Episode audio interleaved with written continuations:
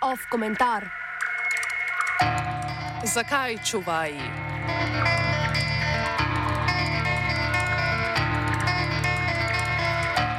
O tem, kako so bili pred 20 ali 30 leti časi za zaposlene v medijih veliko boljši, posluša že nekaj generacij mladih, ki jih je pritegnil novinarski poklic. Nedavni poskusi politično motiviranih imenovanj vodilnih kadrov na javni RTV in v STA so le začasno odvrnili pozornost od stalne krize poslovanja v večini slovenskih medijev.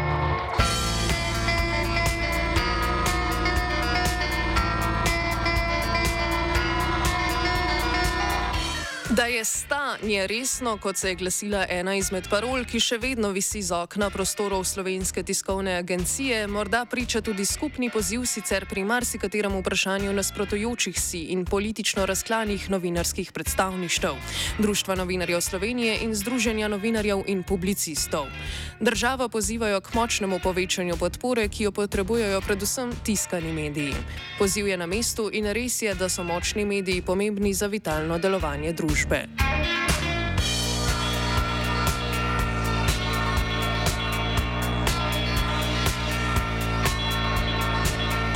Razkriva pa tudi redko priznano dejstvo, da največje omejitve medijske svobode izhajajo iz tega, da so mediji danes pretežno tržna dejavnost. Utišanje medijev je toliko bolj jasno, če upoštevamo, da jih večina posluje z izgubo, kar pomeni, da jim mora nekdo zagotavljati svež kapital ali pa so prisiljeni v prodajo premoženja in zmanjševanje stroškov za odpuščanje. Slednje se očitno obeta večeru, ki je lani dobil novo lasništvo. Po manj kot petinskih deležih, ki bi jih bilo treba priglasiti Ministrstvu za kulturo, so ga kupile družbe, ki so povezane z Martinom Odlaskom. Ta prek povezanih družb in posrednih lasništev obvladuje večino slovenskih komercialnih radijskih postaj, revij med dnevnimi časopisi pa Svet 24, Dolenski list in Primorske novice. Pred enim mesecem je poslovodstvo medijske hiše večer na seji sveta delavcev napovedalo odpuščanja zaposlenih, od tega večinoma novinarke oziroma novinarje. Tudi takrat se je oglasilo Društvo novinarjev Slovenije, ki je opozorilo, da gre za ukrep, ki bo okrnil verodostojne vsebine in jih bo ob hkratnem napovedanem rezanju honorarjev tudi osiromašil.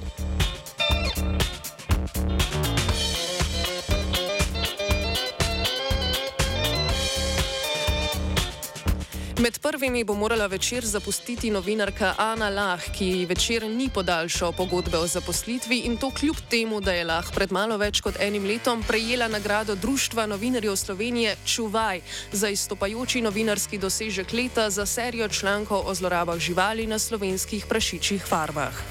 Tudi sicer je ena najbolj prodornih novinark, ki večer trenutno premore in ki pokriva marginalizirane tematike, kot so položaj platformskih delavcev, študentsko organiziranje investiranje in življenje beguncev. Kljub nespornim rezultatom po več letih dela ji večer ni ponudil zaposlitve za nedoločen čas in prav zaradi te prekarnosti je sedaj tudi med prvimi, ki ostajajo brez dela.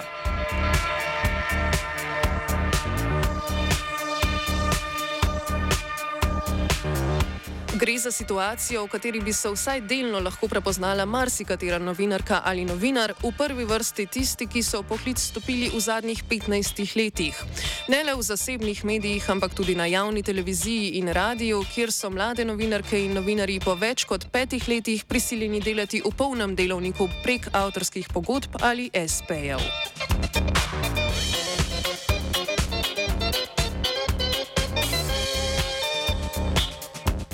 Dejstvo, da so v poslovodno nezavidljivem položaju vodstev medijev tako uprave kot uredništva, jih to ne razrešuje odgovornosti, da ne skrbijo za kvalitetno novinarstvo in razvoj novinarskega kadra.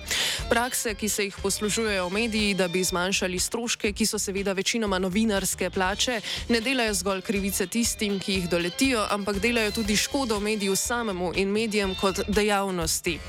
Vrh tega je pogosto takšna praksa tudi nezakonita, kar naprimer dokazujejo številne uspešne uspešne tožbe proti RTV zaradi kršitev delovne zakonodaje.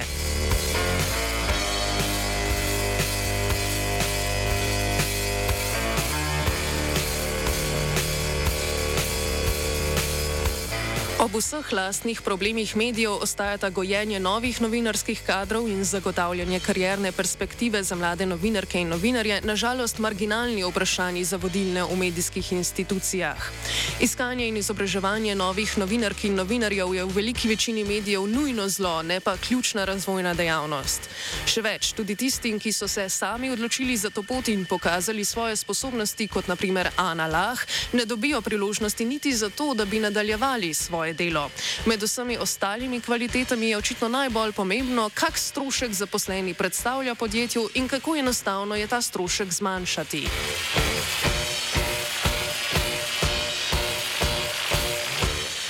Čemu je torej namenjeno presojanje o kvalitetah posameznih novinarjev in novinark? Čemu je namenjena nagrada Čuvaj, ki jo podeljuje Društvo novinarjev Slovenije?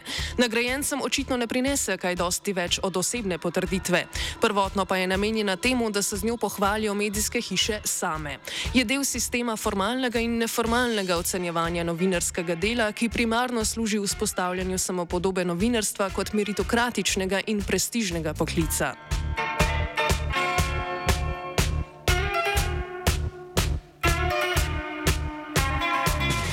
A to je vse prepogosto le privid. Dejansko poteka napredovanje in vpliv v novinarstvu po povsem drugih poteh.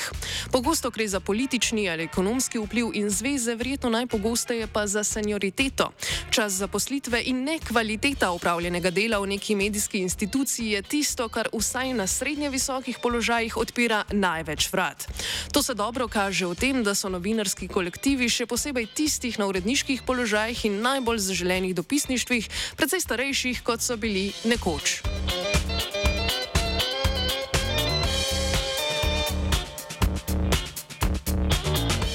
Primer Ane Lah izraža prepoznaven odnos slovenskih medijev do mladih novinark in novinarjev. Siljenje v razne oblike prekarne zaposlitve, pogosto skupaj z obljubami, da je redna zaposlitev za ovinkom. V času vrčevanja, ki se v medijih itak dogaja nenehoma, pa so ti v prekarnih delovnih razmerjih prvi, ki zapustijo službo. Če uspejo dobiti novo službo v drugem mediju, bodo praviloma, praviloma morali začeti kariero znova, spet na najnižjih položajih in ponovno dokazovati svojo zvestobo novemu časopisu, radiju, televiziji ali portalu.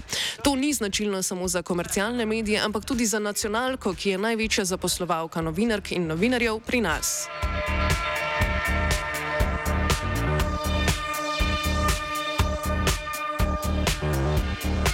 Postavljanje mladih novinark in novinarjev, bodi si v prekaren položaj ali na ulico na dolgi rok slovenskim medijem, škodi celo bolj kot politično vmešavanje v medije. Mediji sami so naredili novinarski poklic nezanimiv za najbolj talentirane in spodbojali karijere tistih, ki so ustrežljivi in poslušni. V novinarstvo se poda veliko več pametnih mladih ljudi, kot si ta poklic zasluži. To je velika sreča ne samo za te medije, ki že tako dobijo na delovna mesta talente, ki bi bili v drugi branži plačani mnogo več, ampak tudi za družbo nasplošno. Če država res usliši obe novinarski organizaciji in s sistemsko pomočjo močneje podpre delovanje medijev, mora to prinesti tudi vložek v razvoj, kar pa pomeni vložek v razvoj mladih novinark in novinarjev.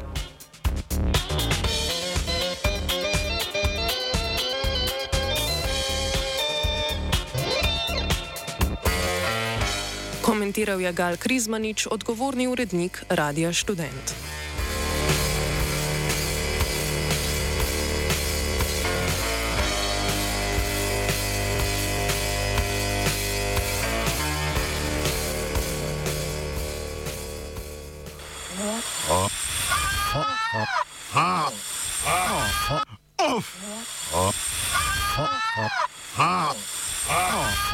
Komentar.